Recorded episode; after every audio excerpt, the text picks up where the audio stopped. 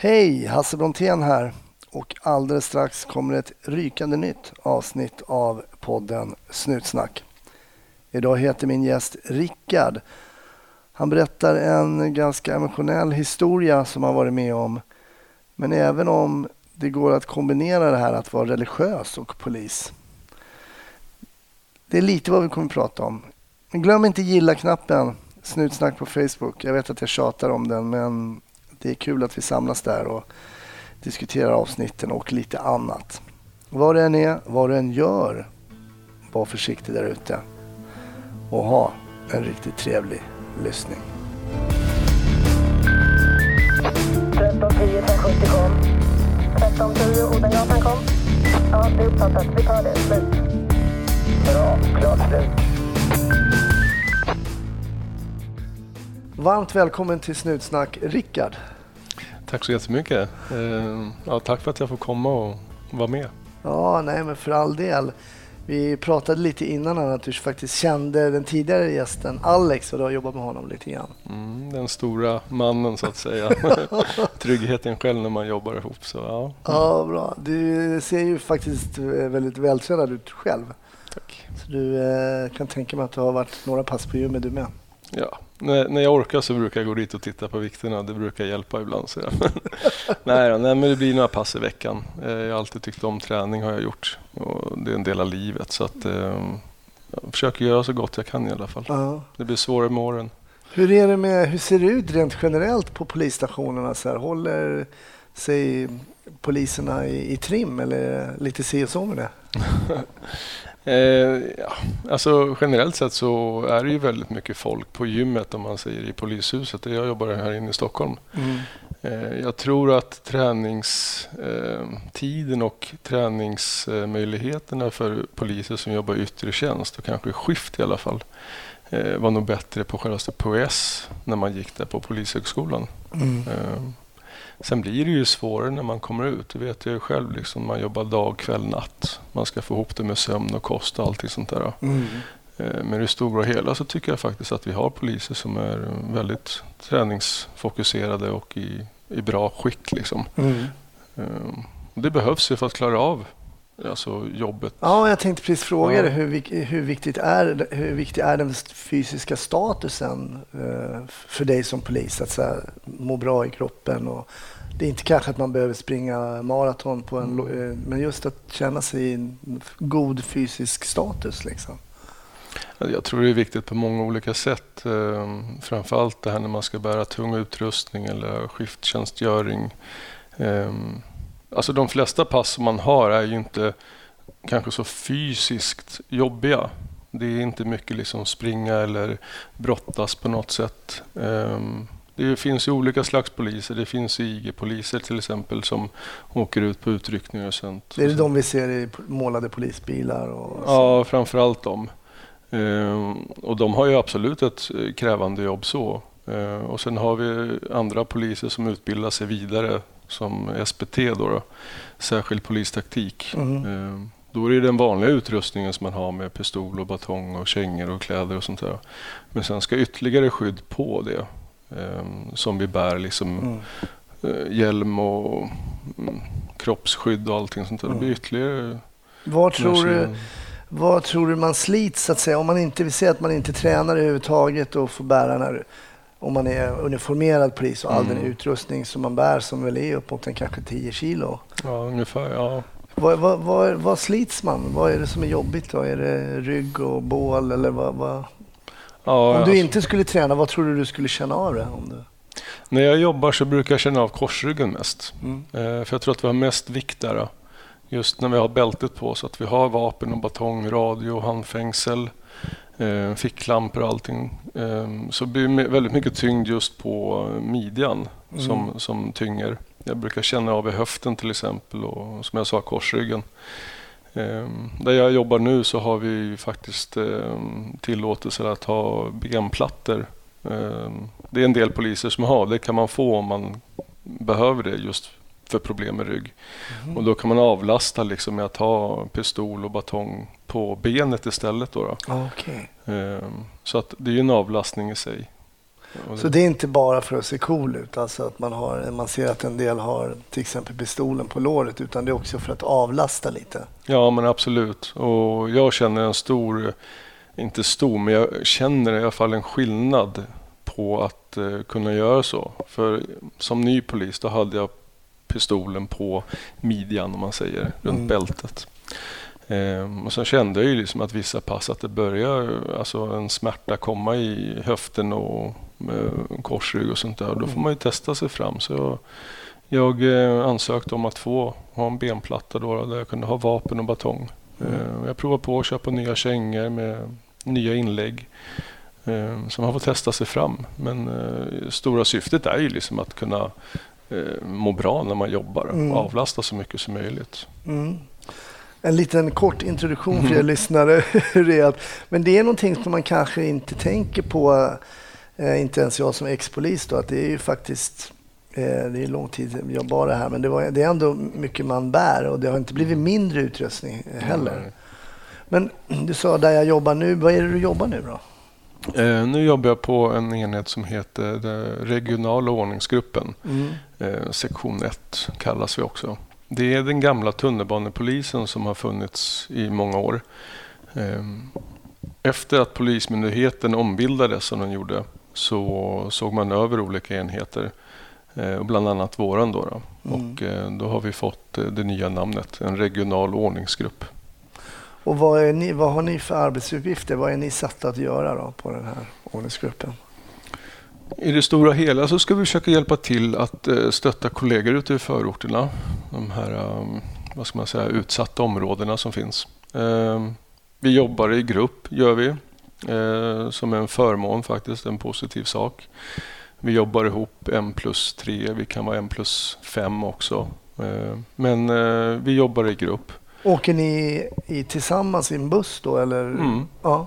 Vi åker i en buss eh, tillsammans och eh, ute i de olika områdena som är lite mer utsatta.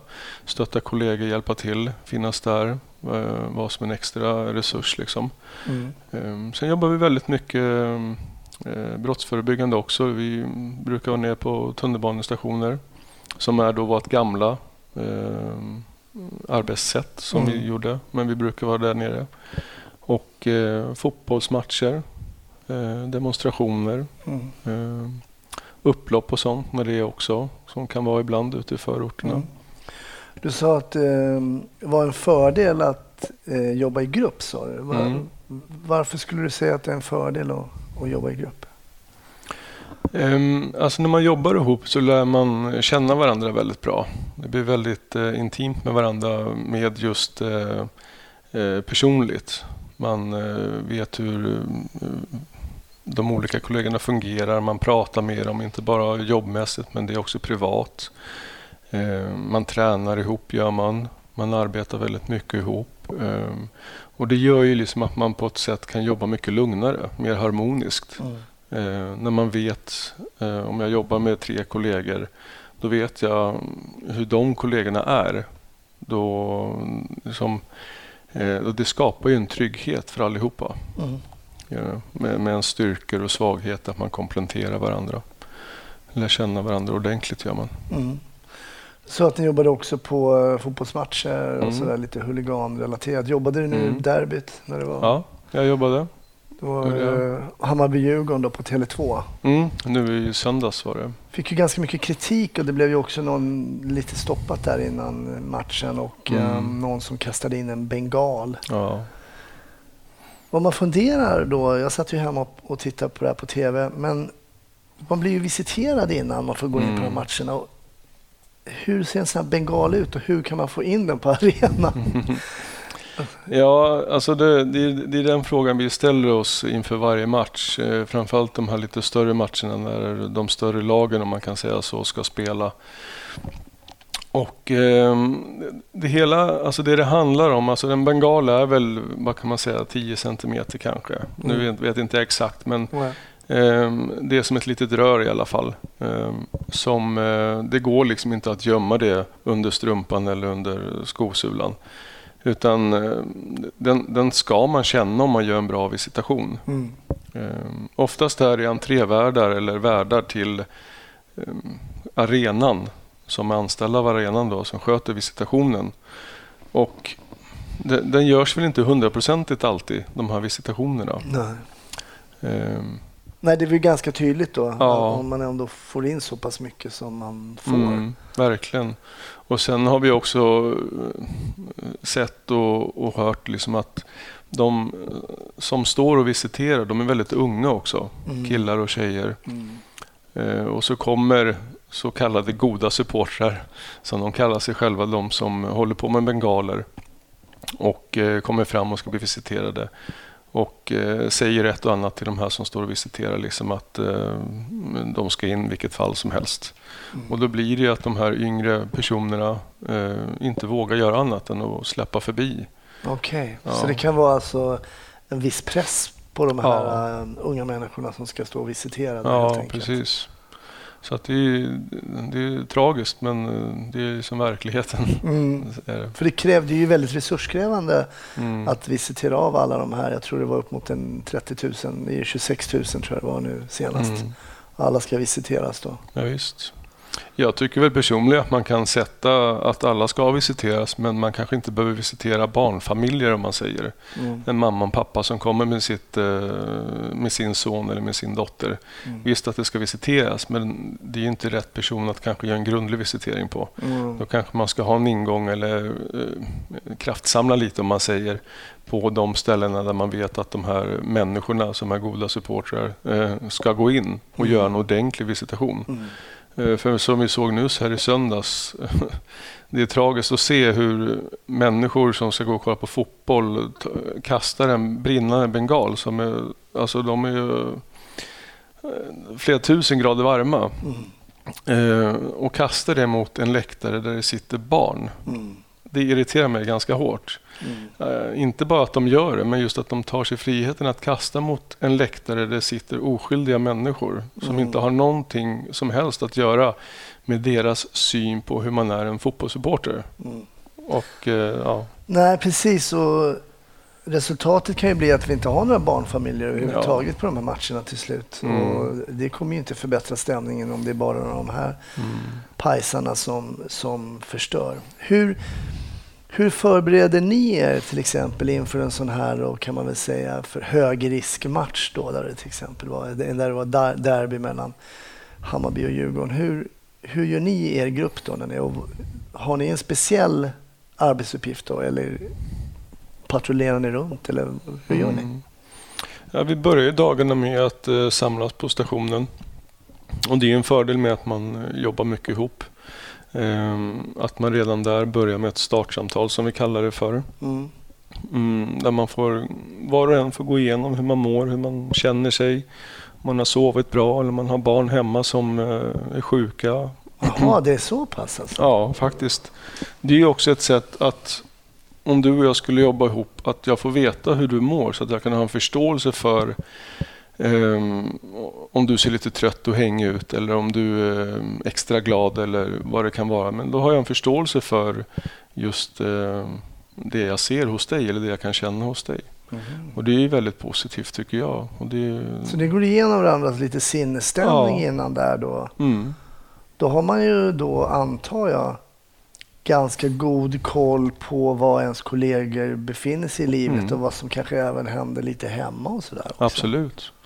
Och det tycker jag är väldigt bra. Eh, Och sen beror det på hur... Jag är väldigt öppen av mig. Mm. så. Och så finns det ju kollegor som kanske inte är lika öppna. Mm. Men ändå att det ges en möjlighet att på så sätt lära känna varandra ännu mera. Mm. Men också att få, få sig en uppfattning om hur personens senaste dygn har varit. Kanske en vecka tillbaks beroende på vad som har hänt eller inte har hänt. Ehm, Så att det är väldigt positivt Mm. att vi har det så. Och efter det här uppstartssamtalet då, när ni har gått igenom lite grann, vad händer då? Mm. Då, beroende på matchbilden så, så brukar vi ha kanske en större utsättning med andra kollegor som vi kanske ska jobba med i samma grupp. Ehm, och efter det då så rustar vi på med vår utrustning som vi har, eh, beger oss ut och eh, inväntar arbetsuppgifter som vi får ifrån eh, cheferna som styr och ställer under dagen. Mm. Vad de vill att vi ska göra, vart de vill att vi ska vara. Så då åker vi ut. Får ni även info på eh, kring olika individer? Jag tänker på de olika klackarna för det finns väl folk Mm. som är mer eller mindre relevanta när det kommer till våld och, och så vidare i de här klackarna. Har ni även information på den nivån också från supporterpolisdelen? Mm. Vi har ju ett samarbete med supporterpolis och sånt där och det brukar ju oftast vara om det är folk som har gjort sig skyldiga till tillträdesförbud. Eh, och det innebär liksom att man i sam, samband med en fotbollsmatch i nära anslutning tidigare då, då har gjort sig skyldig till något brott som man kan koppla ihop till just fotbollen. Mm. Eh, så att eh, de då av en åklagare har eh, fått ett tillträdesförbud. Mm. Ehm, Och då kan det vara så att vi kan få bilder på dem just för att det ska kunna förebygga så att inte de tar sig in på arenan. Ehm, Det kan också vara efterlysta personer som är efterlysta för brott eller som kanske ska delges någonting, hållas ett förhör med. Ehm, Så kan vi ha mm, en liten träff eller ett möte eller att supporterpolisen då oftast kommer till utsättningen och informerar om sånt. Mm. Hur förlöpte den här äh, dagen för er då? Hur gick det sen? Vad gjorde ni och när ni åkte till arenan och sådär? Ja, eh, alltså i söndag så skulle vi egentligen ha jobbat med valet som Okej. var. Eh, eh, och eh, det var inte alls meningen att vi skulle jobba på fotbollen överhuvudtaget. Eh, men ganska tidigt på morgonen innan resurserna som skulle jobba med just fotbollskommenderingen hade börjat eh, så hade vi eh, fått tips om att de här två supportergrupperingarna då, då skulle slåss med varandra innan matchen, mötas upp inne i stan. Ehm, så att eh, då blev vi kontaktade av eh, våra chefer som sa att, eh, ni att vi skulle åka ut då för att ehm, dels leta upp, se om det stämde, lokalisera allting sånt där och sen då förebygga så att ingenting skulle inträffa. Ehm, så att det var ju att rusta på lite snabbare än vad vi hade tänkt. Åka ut och sen så stämde det faktiskt. Det var en, en samling på 50-60 stycken som hade samlats på en krog på Södermalm.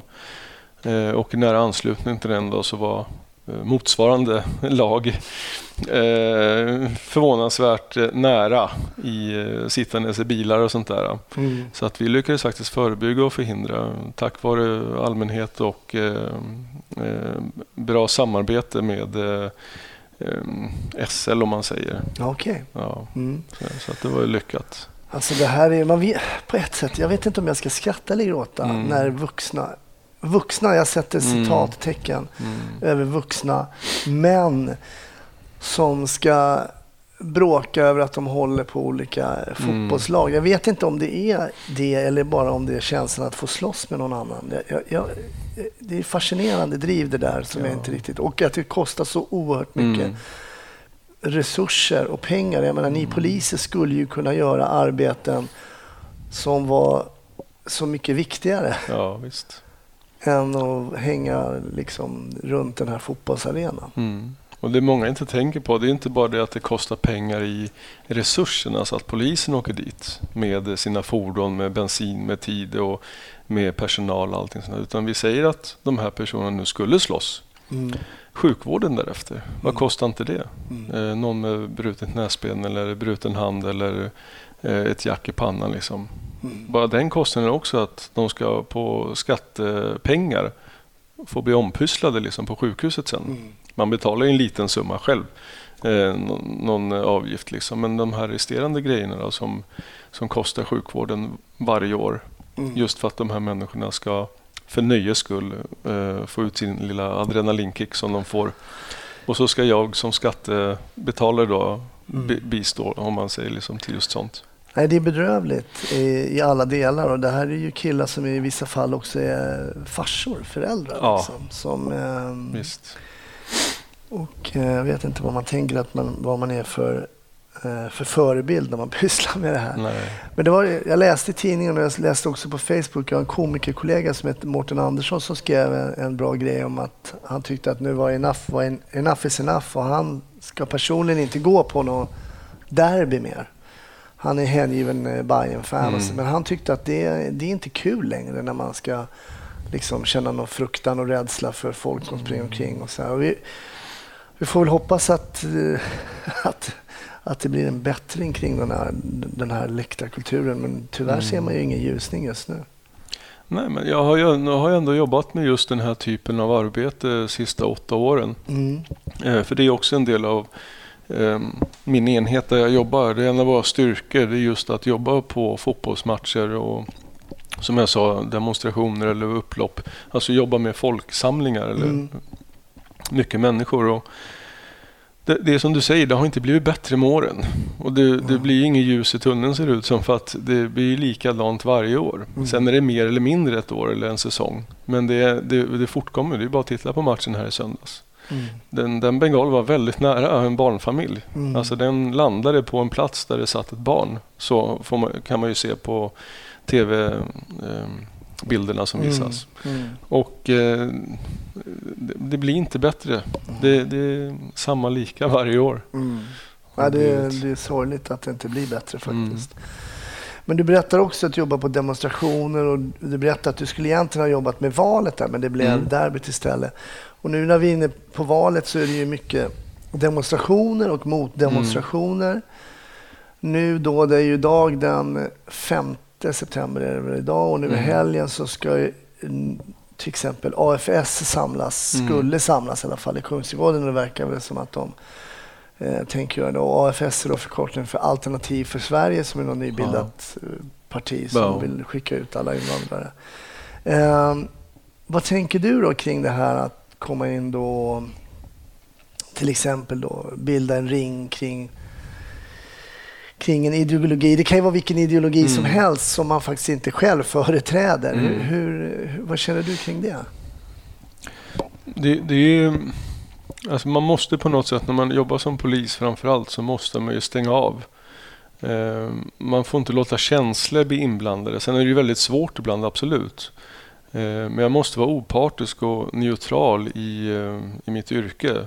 För lika mycket som jag måste skydda de människorna som kanske står för en ideologi eller ett tycke som inte jag alls håller med om så måste jag se till arbetsuppdraget. Vad är viktigast här och nu? Vilka är det som har fått ett tillstånd? Vilka är det som har rätten liksom att stå på den här platsen och demonstrera?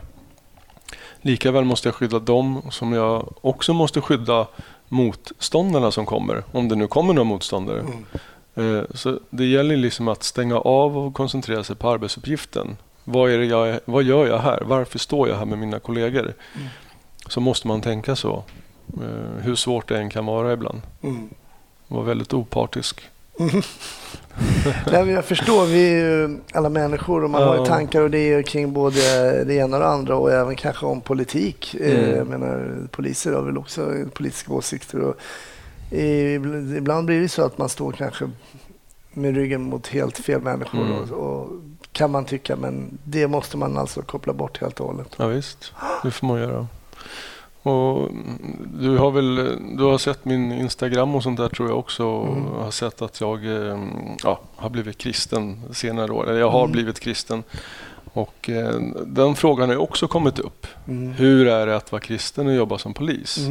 Ehm, och det är ju, ja, just det här om jag är partisk eller opartisk. Just. Alltså om jag tar någons parti eller inte parti. Om jag skulle träffa på någon som är kristen och kanske någon med en annan kultur eller religion. Mm. Hur, skulle, hur ser jag på det? Men det är exakt samma sak där. ja. Det spelar Okej, ingen så du menar du kan jämföra det då Ja, eh, med de här demonstrationerna med din Mm. religion då så att säga? Att du, Ja. Där är du liksom, tar du inte ställning utan du gör ditt jobb. Ja, det måste jag göra. Vad det än är. Mm. Alltså om det är demonstration eller om det är religion eller om det är Eh, vad det än är så måste jag vara opartisk och se människornas behov och eh, alltså behov. Vad är det Mm. de behöver? Mm. Eh, En gärningsman till exempel, han behöver min hjälp lika mycket som en målsägande behöver. Mm. För jag måste jobba för båda, Mm. hur fel det än känns. Mm.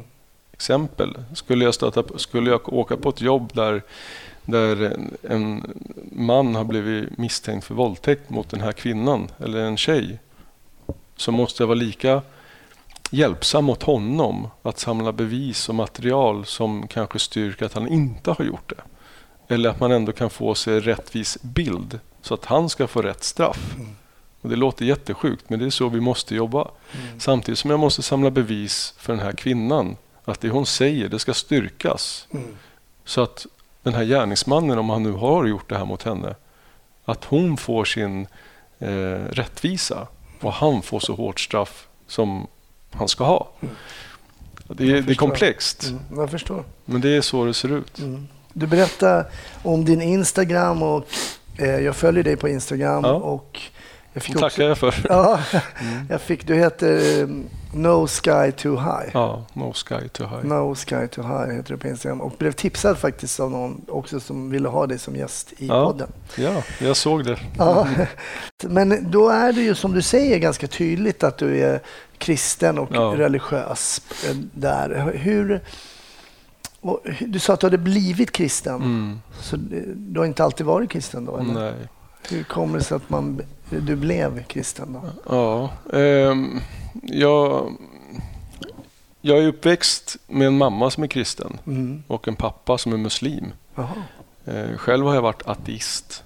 Jag har inte trott på någonting överhuvudtaget. Ah, okej. Eh, aldrig gjort det. Jag har trott på att saker och ting sker av en anledning. Ja. Lite sådär.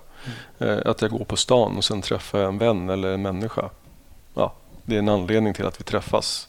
Mm. Min, min, Att det är slumpen bara? lite då? slumpen jag, Mm. men ändå lite mening i det hela. Liksom. Ja, Okej. För, man, för jag brukar alltid tänka att ja, men den tid det tog för mig i morse med alla hinder och alla stopp och allting som sker så har ju den människan som jag då träffar innan vi möts också haft lite stopp och lite kanske surr där och någon arbetsuppgift där och sen någon bil som stannar eller stannar för rött. Men det gör ändå att vi sammanträffas vid den tidpunkten på den platsen, har jag tänkt. Mm, mm, det, det sker av en anledning. Okej. Jag vet inte om jag var tydlig, men lite så i alla Nej, fall. men jag tror jag förstår hur du tänker. Men, Ja. men anledningen då? Är det, det har bara tidigare varit en slump? Ja, men det, det, det, är den, det det är den tron som jag har haft. Jag har inte haft någon eh, eh, tro i Att- någon gud. Nej, jag förstår. Jag Eller förstår. Utan men, det, men den här anledningen då, vem har styrt den? Att det ändå finns en anledning att man ska ses. Det har, det har inte varit styrt av någonting. Det, det, så långt har jag inte tänkt. Nej, precis. Men, Jag, höll det på en väldigt basic nivå att eh, saker och ting kan ske av en anledning. Mm. Att det är lite slumpen men också att det är menat och har en Ja, betydelse okej. Mm, okej. Att, att det eh, skulle kunna ha funnits någon anledning eller en betydelse av Ja, till exempel mänskliga möten och sen så. exakt. Mm. Att, eh, så. Men vad hände sen då? Ehm, livet tror jag. Ja. När hände det här då i ditt liv ungefär? Ehm, tanken på det jag sökte, eller när jag började tänka, så var att jag ville hitta en plats ehm, där jag kunde finna ett lugn. Mm. Eller en plats där man inte hade någon press eller stress på sig. Mm. Allmänt i livet Ja. så att säga. en, En plats där man liksom inte behövde vara någon, göra något. Eh, någon som ställde krav på en. Eller, men en plats där man bara kunde sitta och bara vara. Mm. Alltså en lugn, harmoniskt ställe. mm. Får jag bara ställa en fråga innan jag fortsätter? Du sa att din mamma var kristen Mm. och din pappa var muslim. Ja. Eh, Men var din mamma troende kristen och din pappa troende, eller var de så att säga på pappret? eh, ja, som Mm. jag är väl på pappret då Ja. kristen, men jag är väl inte det eftersom jag inte tror på Gud och inte Mm. går i kyrkan eller sådär. Men, men hur, var, hur var din uppväxt då? Var det någon som försökte påverka dig i någon av Mm. de här, i de här miljöerna så att säga? Mm. Nej, jag har, jag har växt upp med min mor mest. Mm, För ja. mina föräldrar skildes när jag var väldigt liten. Så Mm. jag har mest växt upp med min mor. Och eh, hon, hon är uppväxt kristen. Men det är inte så att hon har varit kristen, att hon har gått i kyrkan varje söndag eller på något sätt utövat religionen. Men hon tror på Gud? Ja, hon är kristen och Mm, tror på Gud. mm, Liksom. Mm. Eh, pappa, han är, eh, eller under en period eh, när jag var liten så, han var muslim, men han ledde inte som en muslim. Nej. Det gjorde han inte. Nej.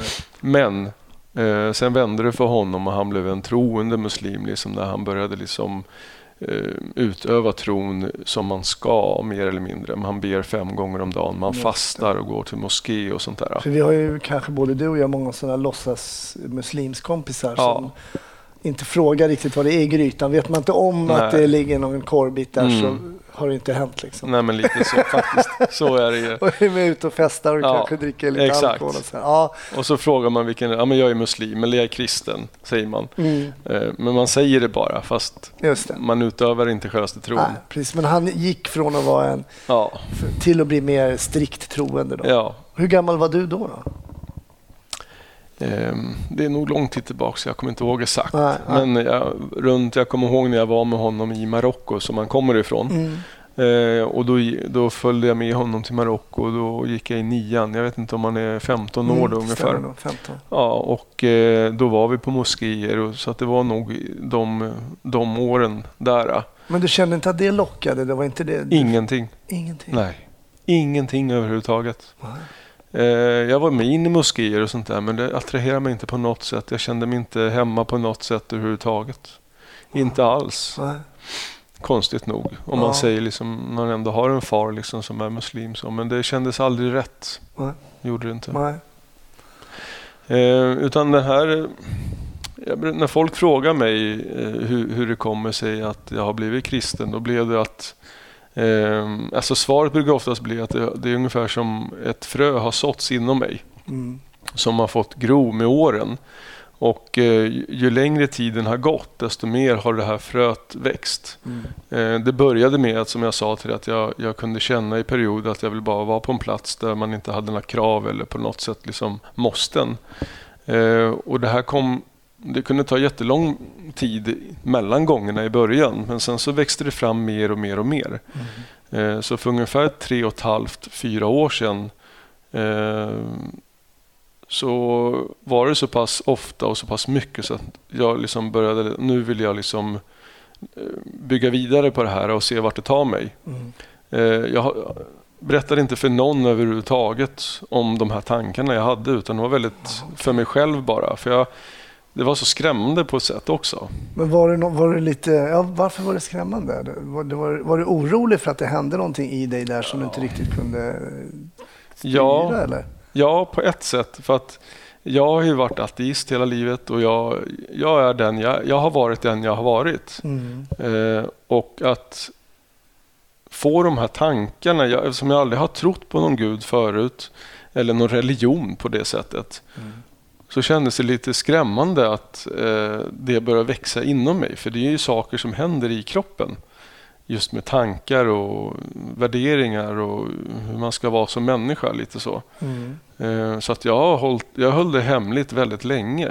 Var det någonting som du skämdes för? Ja, alltså ärligt, ja, kanske alltså, inte skämdes, skämdes men ändå att på ett sätt kanske just att vad ska folk tycka och tänka och säga? Mm. Du, du, alltså vadå du, kristen? Men kom igen nu. Vi bor ju i ett väldigt Ja. sekulärt land. Ja. Alltså det är, Mm.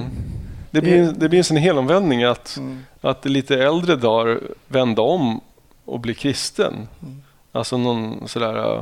Och hur togs det emot då när du väl Eh, berättade för människor? Alltså det smögs ju på mer och mer för alla runt omkring. Så att det blev väl liksom att man fick, alltså jag kunde ju få frågan, lite roligt så här, men på jobbet till exempel. Under den här perioden när det blev lite mera på riktigt, där jag ville utöva lite mera, så började med att gå och köpa Bibeln på biblioteket. Mm. Jag sa inte till någon, men jag gick och köpte Bibeln. Den stora, gamla och nya testamentet, den stora röda Bibeln. Mm. Mm. Gick upp till biblioteket, gick hem och började läsa från sidan ett. Eh, det var steg ett kan man väl säga. Eh, steg två var också att jag bestämde mig för att varje söndag skulle jag börja kolla på gudstjänsten på TV. Det går på SVT1 eller 2. Just det. Att de gånger jag kunde kolla så skulle jag göra det. Det var till och med så att jag kunde jobba natt, alltså halvnatt som vi gör, till tre fyra på natten. Men jag ställde ändå klockan så att jag gick upp vid klockan i lagom tid för att se programmet, gudstjänsten. Men vad var det som liksom drev dig att göra det? Då? Var det det här fröet då som du kände Ja. som du var tvungen att vattna då på något sätt? Eller? Ja, alltså det var det att jag ville utöva mera. Jag ville forska mera. Mm. Jag ville stärka det på något sätt. Samtidigt som det var skrämmande så ville jag ändå, som jag sa, det här fröet har såtts och med åren har det växt. Mm. Och var sak har sin tid brukar jag säga. Mm. Att perioder i livet, eh, det ska ta sin tid. Mm. Man ska inte stressa på någonting och det har det verkligen inte gjort utan jag har tagit det i min egen takt. Mm. Eh, och jag också, det jag tror det är att jag har fått hjälp med åren att eh, ta mig dit jag är. Liksom. Så det började med som att jag började kolla på gudstjänst också på tv på söndagar. Och det var lite roligt. Jag kommer ihåg så väl en gång när jag satt på jobbet. Det var också en sån här fotbollsmatch tror jag vi skulle jobba en söndag. Mm. Om det var något derby eller om det var något annat lag som skulle komma. Men då sitter jag i våran soffa som vi har och en tv. Och eh, sitter där och tittar på gudstjänst då, då. Och spelar lite dum så att säga. Strökolla liksom. var det en kollega som jag kommer ihåg så väl när hon frågade vad fan tittar du på? Sitter du här? Jag bara, äh, det är bara gudstjänst. Det fanns ingenting annat att titta på. Vad ska jag göra liksom? Jag sitter och småtittar lite bara. Mm, du vill inte erkänna Nej, att det du vill jag. verkligen... Nej. Det var så nytt det där. Och vad skulle kollega? Ja. Kommer hon lite skämtsamt eller lite så här, äh, vad, vad tittar du på det där för något? Vad, vad, vad håller du på med typ? Mm. Jag bara, men det finns inte någonting annat att titta på. Det var det här jag hittade liksom. Den bara stod på kanalen. Mm. Det har verkligen gått från att vara lite så här skämsigt, lite så här rädsla till att eh, bli kristen om man säger. Till att jag står ju verkligen för det. Du har kommit ut helt liksom. Helt och hållet. Det går liksom inte att missa på något sätt. Men hur förenligt är det liksom, tycker du? När jag tänker med jag som inte tror på Gud och det här med när man ser all ondska, och, Mm. för det är ju mycket det som man möts av polisen. Man Mm. ser ju människor gör ju väldigt onda saker mot Mm. andra människor. Ja. Och om jag tänker ibland när jag tänker så här att det finns en gud och stärker det din gudstro att se de här ondskan eller blir den svagare eller när man ser hur folk beter sig i förhållande till hur guden, för det på något sätt styr väl Gud liksom världen eller jag vet inte riktigt hur, Mm. hur du tänker kring hur, hur, hur tänker du kring den här all ondskan du ser och sådär i förhållande till din gudstro menar jag. Mm. Eh, Alltså för oss kristna så finns det bara en gud. Mm. Men vi lever i ett samhälle där det finns flera religioner. Mm. Där olika människor tror på olika saker. Mm. Ondska har väl alltid funnits. Så lång tid tillbaka som man bara kan tänka. Mm. Eh, Men sättet som självaste, alltså som min tro hjälper mig med, det är ju liksom att inse hur, hur dåligt människor mår på ett sätt. Och vilken okunskap människor har i hur man ska vara en god människa. Mm. För det står i alla religioner, står det mer eller mindre, som är väldigt likt. Om det är islam eller kristendomen eller judendomen så står det väldigt klart och tydligt hur man ska vara som en god människa, Mm. en medmänniska. Mm. Och det skulle vara så enkelt att 80 procent Och av... även som en, alltså som jag som inte tror, Ja, har ju lite the, golden rule liksom Ja. att behandla eh, andra människor som du Ja. själv vill behandla och så vidare. Och så vidare. Det, det finns ju på något sätt ändå någon grundtanke mm. om hur en god människa är, även om man inte är religiös tänker jag. ja absolut. För det finns ju någon form av moral som finns där fast man inte har en gud. Liksom. Mm. Och, och det, det, jag tar, jag tar, den frågan har jag också fått. Men hur är det att jobba som alltså, kristen och som polis? Du Mm. måste ju slå folk ibland eller du måste ju vara elak mot folk eller behandla Jaha, nej, folk. så på ett- tänkte jag inte alls. Nej. men ja, en del kanske tänker så. Ja, men jag har fått den frågan. Jaha. Och det är också saker som har snurrat i mitt huvud. Ja, men hur, egentligen, ja, men man ska ju inte vara elak mot folk. Nej. Som, jag, behö, jag slår folk ibland för att jag behöver det. Jo, för att du är skyldig också Ja, att göra exakt. det, för att försöka skydda någon annan. Exakt. Eller, ja, precis. kan avbryta ett pågående brott av något sätt. Eller Mm. att inte någon ska hoppa på mig och slå mig. Mm. Eller någon kollega så måste jag agera med våld. Mm. Får jag det? Liksom? Hur, hur ser Ja, du religionen menar ut? så, så precis. tänker jag. Ja. Så har jag tänkt. Men du skulle ju också faktiskt kunna eh, ta livet av en annan människa. Mm. Jag tänker att med tjänstevapen eller Ja. skydda någon eller något sånt. Alltså att släcka ett liv liksom. Mm. Vad tänker du kring det? Är det också är det förenligt liksom med... Ja, så i grunden så är det ju... Jag har ju verkligen, alltså... Jag vet ju hur man... Alltså, jag vet hur man ska vara som polis eller vad man måste göra. Mm. Och det har, jag aldrig, det har aldrig varit någon liksom, eh, tvekan där att jag inte skulle agera på grund av min tro till exempel. Nej, Utan nej. jag agerar fullt ut som jag är tvingad till att göra i olika situationer. Ehm, men det, det som också har varit så roligt med den här tiden när man har haft de här frågorna det är att man ibland har kunnat ställt dem på sin öppna Instagram till exempel. Mm. Där jag har väldigt mycket kristna följare. Eh, också poliser som är troende, men i största allmänhet. Då, då. Så jag har ställt, ställt frågan ibland. Men hur, jag har tänkt på det här. Hur, vad, vad anser ni om att jag som kristen är polis? Eller att jag som polis är troende? Vad får du för svar där? Då får jag oftast väldigt mycket citat ifrån Bibeln där det står att eh, man är Guds tjänare liksom, som är också en beskyddare. Okej. Att man beskyddar och eh, jobbar mot det onda. Liksom. Mm. Att är någon som skapar rättvisa. Det. Och det står ju där och det är ju en lättnad. Mm. Ja, jag förstår. Ja, så att man får ändå liksom att det funkar. Liksom. Mm. Ja, men det är intressant. Jag är nyfiken på en annan sak. Vad sa din farsa då? Ja. Eh, Som jag har då- lagt, jag la ut en bild och en text Okej. där jag förklarade lite för. Och det, det som är, nu kommer jag vara lite, eh, vad ska man säga, personlig, men Mm. det, det, vi hade inte kontakt på kanske tio år, Mm. eh, ungefär. Inte på grund av det här, utan av Ja. olika saker. Eh, vi, efter de här tio åren, åtta åren, eh, som vi inte haft någon kontakt överhuvudtaget, var också under den här perioden där jag började hitta min tro. Eh, av en slump, eller av en mening, så stöter vi på varandra i ett centrum efter de här åren Mm. stöter på varandra bara hux flux från ingenstans. Eh, och eh, vi sätter oss ner, tar en fika, pratar igenom lite om det som har varit och varför det kan ha blivit som det har varit och på något sätt hur vi ska kunna fortsätta. Just det, man är familj och man ska ta hand om varandra, livet går fort liksom och allting sånt där. Eh, så att vi började få en liten kontakt igen, skapa det. Och eh, jag kände att i början att det kanske inte var rätt läge att direkt säga liksom att man har blivit troende och kristen.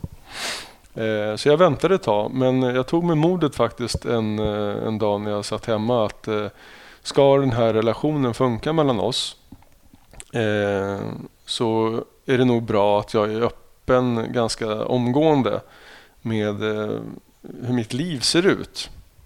Eh, så jag ringde upp honom faktiskt och eh, ja, bara sa rakt ut att eh, jag vill att du ska veta en sak. Liksom, att nu när vi börjar få upp en relation och en kontakt igen så vill jag att du ska veta att eh, jag har blivit kristen. Mm. Eh, det blev tyst en liten stund men så kom det ett väldigt skönt svar från vad då betyder det här att vi inte ska ha någon kontakt längre?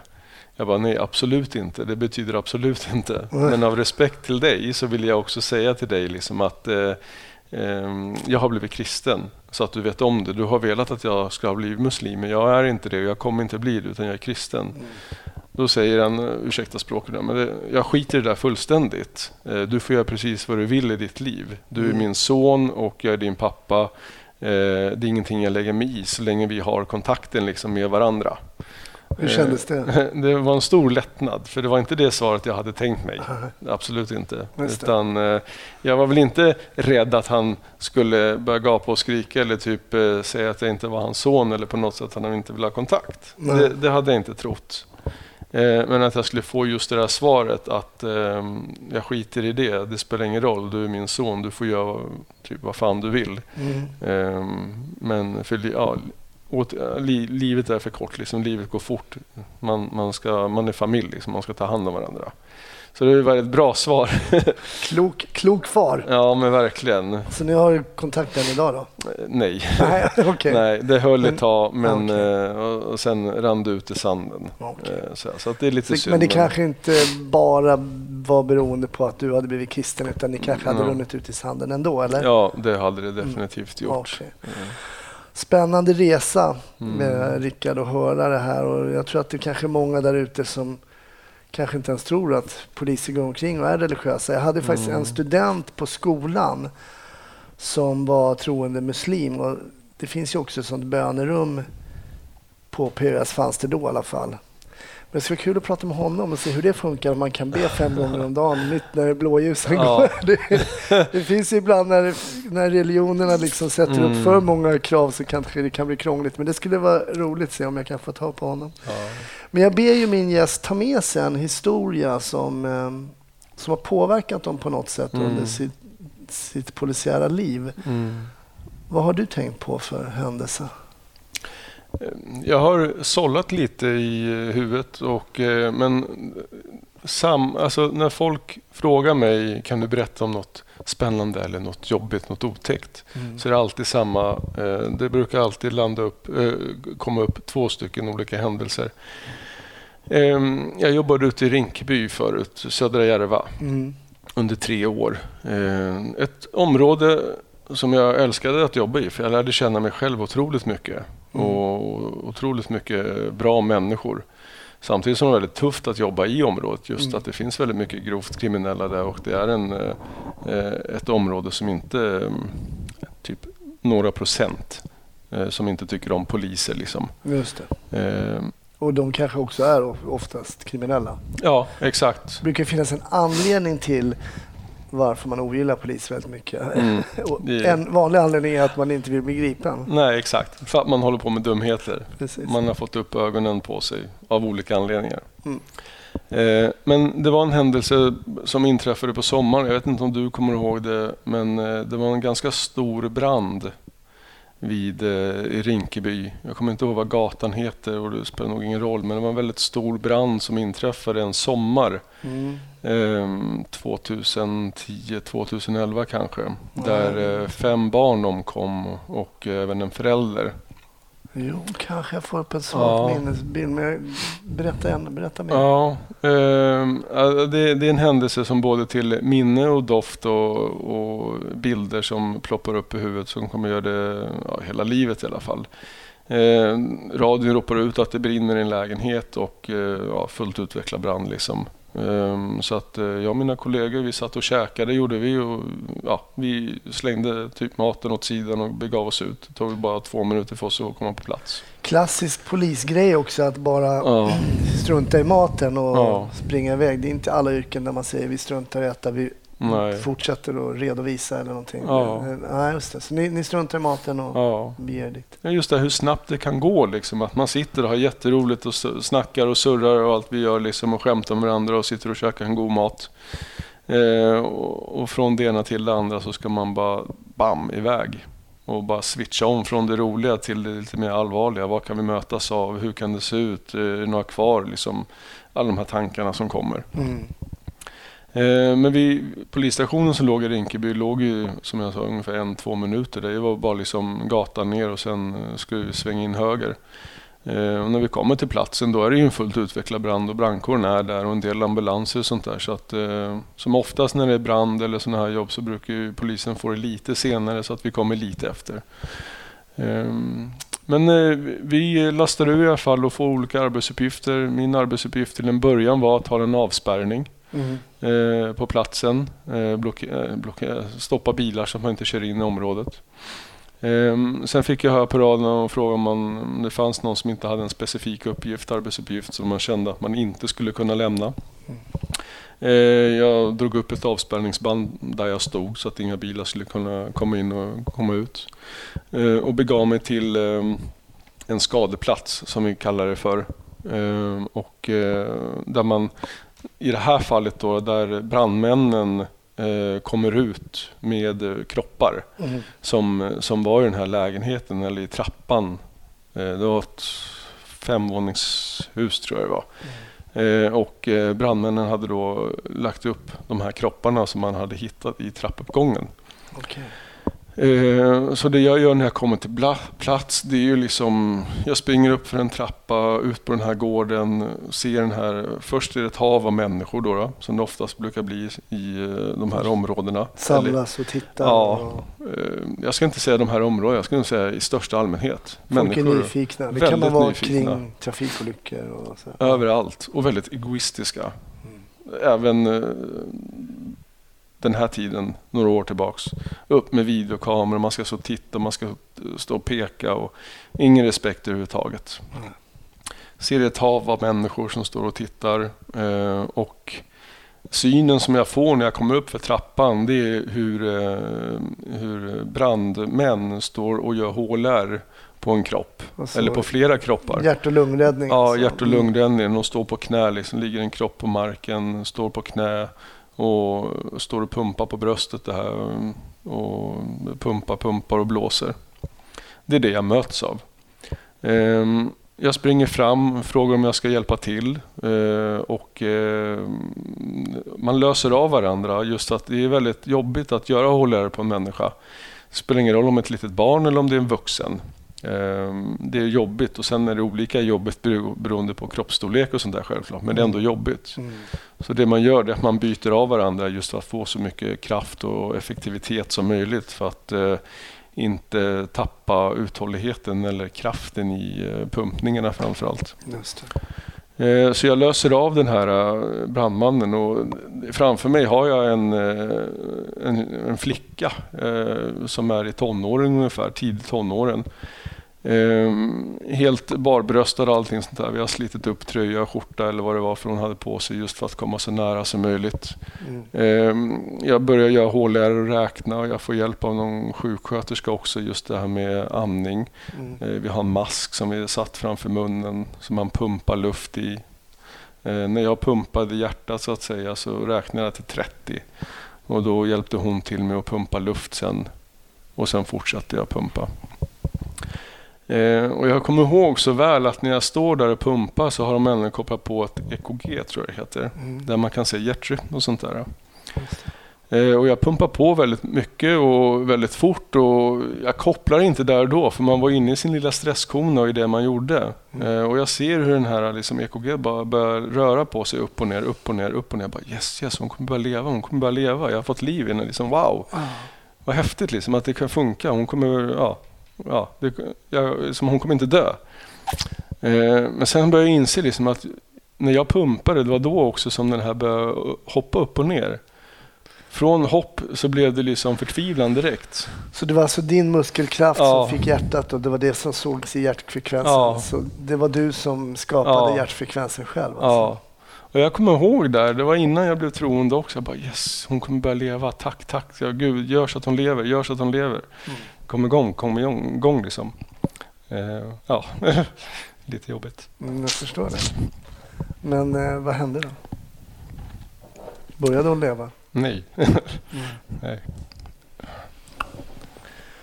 Och de här oerhört emotionella händelserna som man utsätts för, hur, hur hanterar man det då? Jag märker ju nu, du är alldeles tårögd och jag nästan också. Man kan ju visualisera det här. En ung flicka. Bara några minuter efter när jag har suttit och käkat lunch Mm. så försvinner hon. Från, från jordelivet liksom. Och ett tag hade du då hoppet om att hon kommer tillbaks. Ja, precis. Ehm. Man lär sig att hantera sådana här situationer. Mm.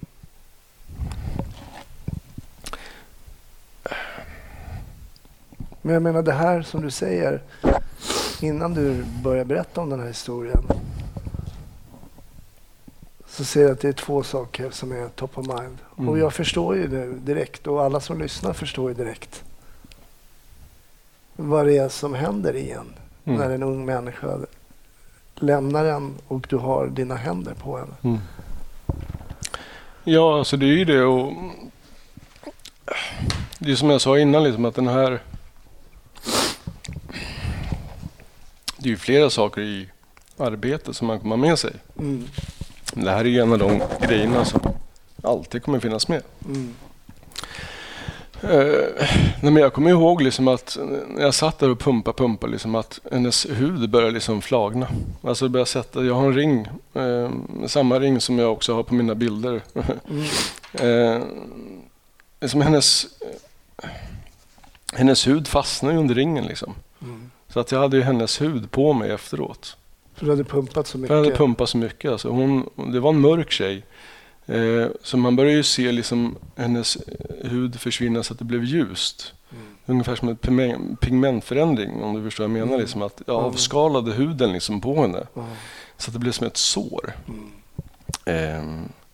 Men det tog, inte, alltså det tog inte slut där utan det var ju liksom att man, eh, man insåg ju liksom att eh, när läkarna sen kom och sa det att ja, Nu- hon lever liksom inte utan eh, det går liksom, nu har vi jobbat på henne ungefär en timme. Eh, och det, det, det liksom, hade hon överlevt så hade hon ju liksom börjat leva. Mm, Precis. Mm. Ja. Eh, så att, eh, men det var en lång kväll och det slutade inte där utan det var att eh, vi fick fler arbetsuppgifter för vi hade en, en pappa till de här barnen och den här mor då som inte hade varit hemma under den här tiden som hade överlevt. Då. Han kom ju till platsen när vi var där och såg hur vi jobbade liksom på barnen och på frugan och allting sånt där. Helt förstörd att se sina barn. Eh, alltså alla ligger på marken. Jag tror att en av, av dem överlevde men det var ju för att den personen inte var i lägenheten. Ehm, så att eh, jag fick uppgift sen tillsammans med en annan kollega och jag är glad att det blev just den kollegan för han var väldigt stark också. Mm. Eh, Det var att ta hand om pappan och eh, övriga familjemedlemmar som kom då. då. Mm. Eh, Den här sonen och eh, lite släktingar och sånt där. Ta med, ta med dem till eh, polisstationen gjorde vi. Och eh, polisen är ju så här, som, vad jag, alltså det är ju som att man, man säger ju ingenting när man verkligen vet. Eh, Oftast är det så att man vill ju verkligen vara bekräftad, liksom att de här barnen är den här mannens barn. Att det, så att Just man det. inte säger fel. Nej, det är viktigt. Det är väldigt viktigt Ja. såklart. Så att det på något sätt blir konstigt. Eh, så vi satt uppe på polisstationen i Rinkeby och eh, pratade med pappan och förklarade för honom vad som hade hänt och vi försökte ta signalement och uppgifter och sånt där på hans barn för att sen kunna se om det stämde överens med dem som var på platsen och allting sånt där. Eh, Så då fick ni helt enkelt mm, sitta och prata då. ja, Hur är man mentalt förberedd för det då? det, det, det är just det som är med att vara polis. Tror jag. Det är som att man, jag tror inte man är mentalt förberedd utan det får ske naturligt på något sätt. Mm. Alltså man har det i sig tror jag. Det, det finns... Alltså, vi kompletterar varandra vi kollegor. Mm. Som tur var så hade jag som jag sa en kollega bredvid mig som var otroligt stark. Mm.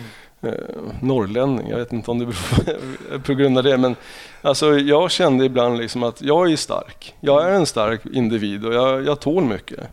Men den här kvällen var liksom, det var väldigt mycket. Och hade det inte varit för han tror jag, då hade det liksom inte gått så bra som det gjorde. För jag hade nog gett upp lite. Mm. Men varje gång jag vände mig till honom så kände jag en energi. Vi kompletterade varandra. Mm. Han var som ett batteri för mig. Var han.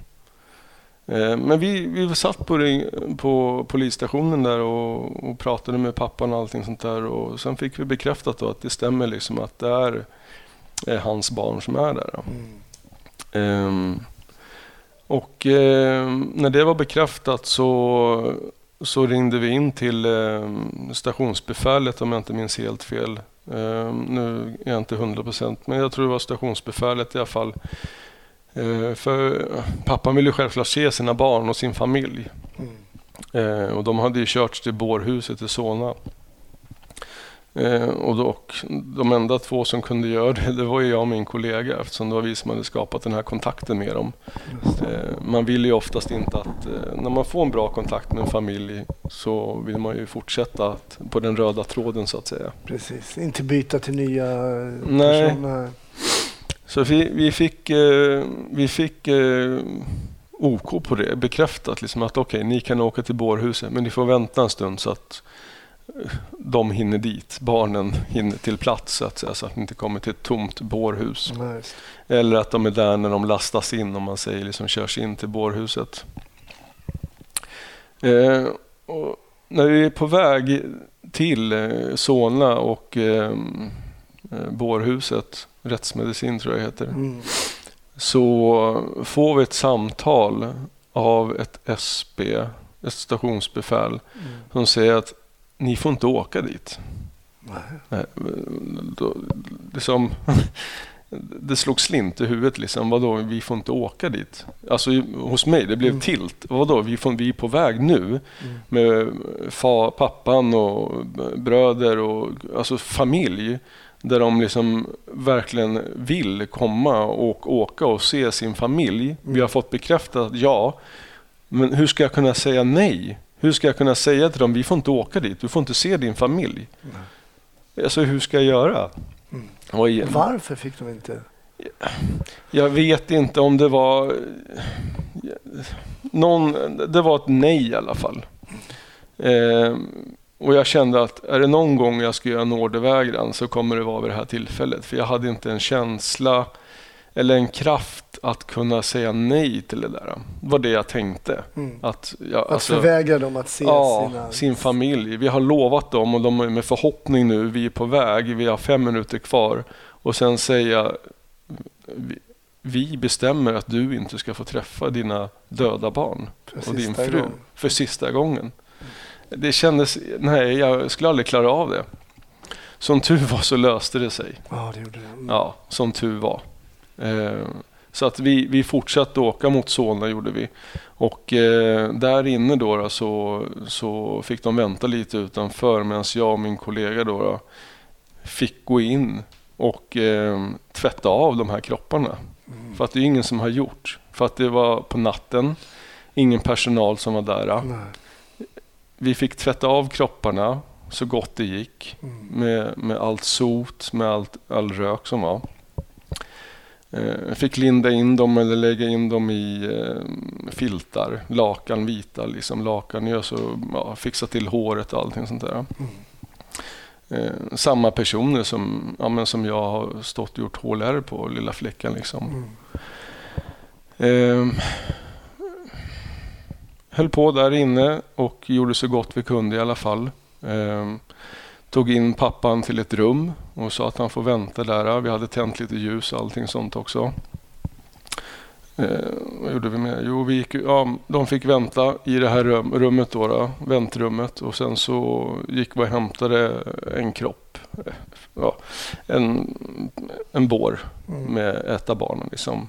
Eh, körde in barnet eh, en efter en och sen in och ut liksom, så att en åt gången. Eh, och även mamman då, då som, som var med. Eh, och eh, ja, alltså förvånansvärt starkt av den här pappan och brodern. Liksom de, de hanterade det så bra Mm. på något sätt. Och jag, jag har tänkt mycket på det. Vad är det som gör att, att, att de hanterade det så bra? Alltså jag, hade, jag vet inte hur jag hade liksom reagerat om jag hade sett familjemedlemmar komma inkörandes Ja. på en bår och liksom inte finns mer. Men de hanterade det så bra. De var upprörda, de var ledsna och de var liksom påverkade. Men de hanterade det så bra. I Gjorde de. bottenlös sorg liksom. Ja, starka var de på något sätt. Mm. Jag vet inte om, som, om, det hade, om de hade en tro eller en religion eller om det bara var en mentalitet Mm. på något sätt. Oerhört eh, emotionell eh, historia och tidningarna den dagen så stod det väl att det var en brand Ja, och att brandkår så och att några hade avlidit. Men just den här händelsen som du är med om mm, är ju aldrig någonting som människor får reda på att Nej. poliser gör. nej alltså och då, den kraften som krävs och, för att gå in och göra de här grejerna som både polis och brandmän och övrig räddningspersonal Mm. gör varje dag. Stort tack för att du ville dela med dig av Mm. Tack så jättemycket. Vi ska växla eh, ämne som vi gör i den här podden och precis som med livet så går man ibland från de sorgligaste av händelser till någonting som kanske inte alls är så viktigt i livet som till exempel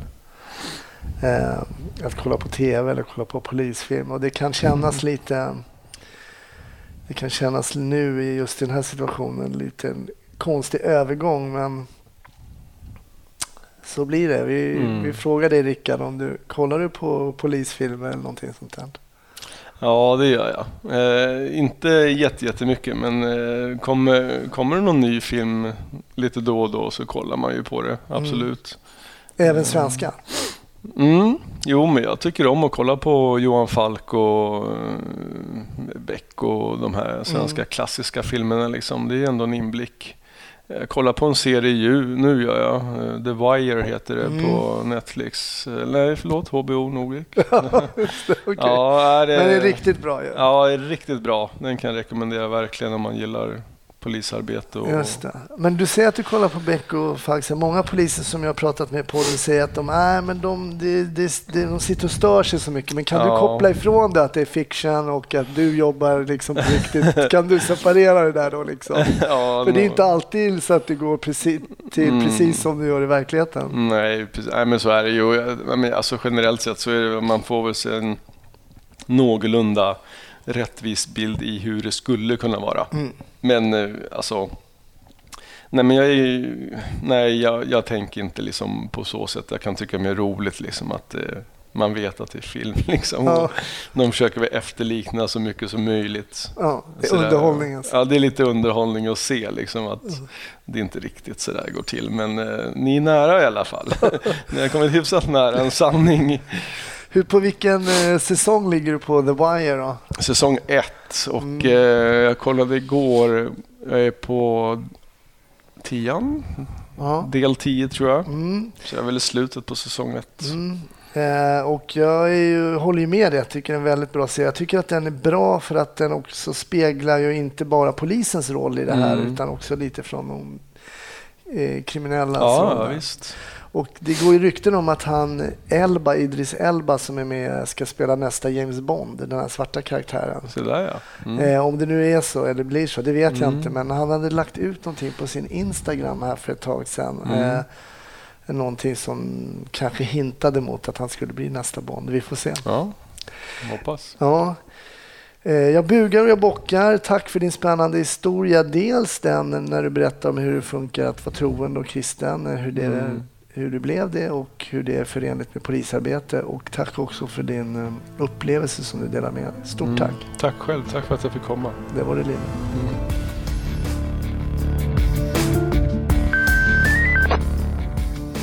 Stort tack för att du lyssnade på ännu ett avsnitt av podden Snutsnack med mig, Hasse Brontén.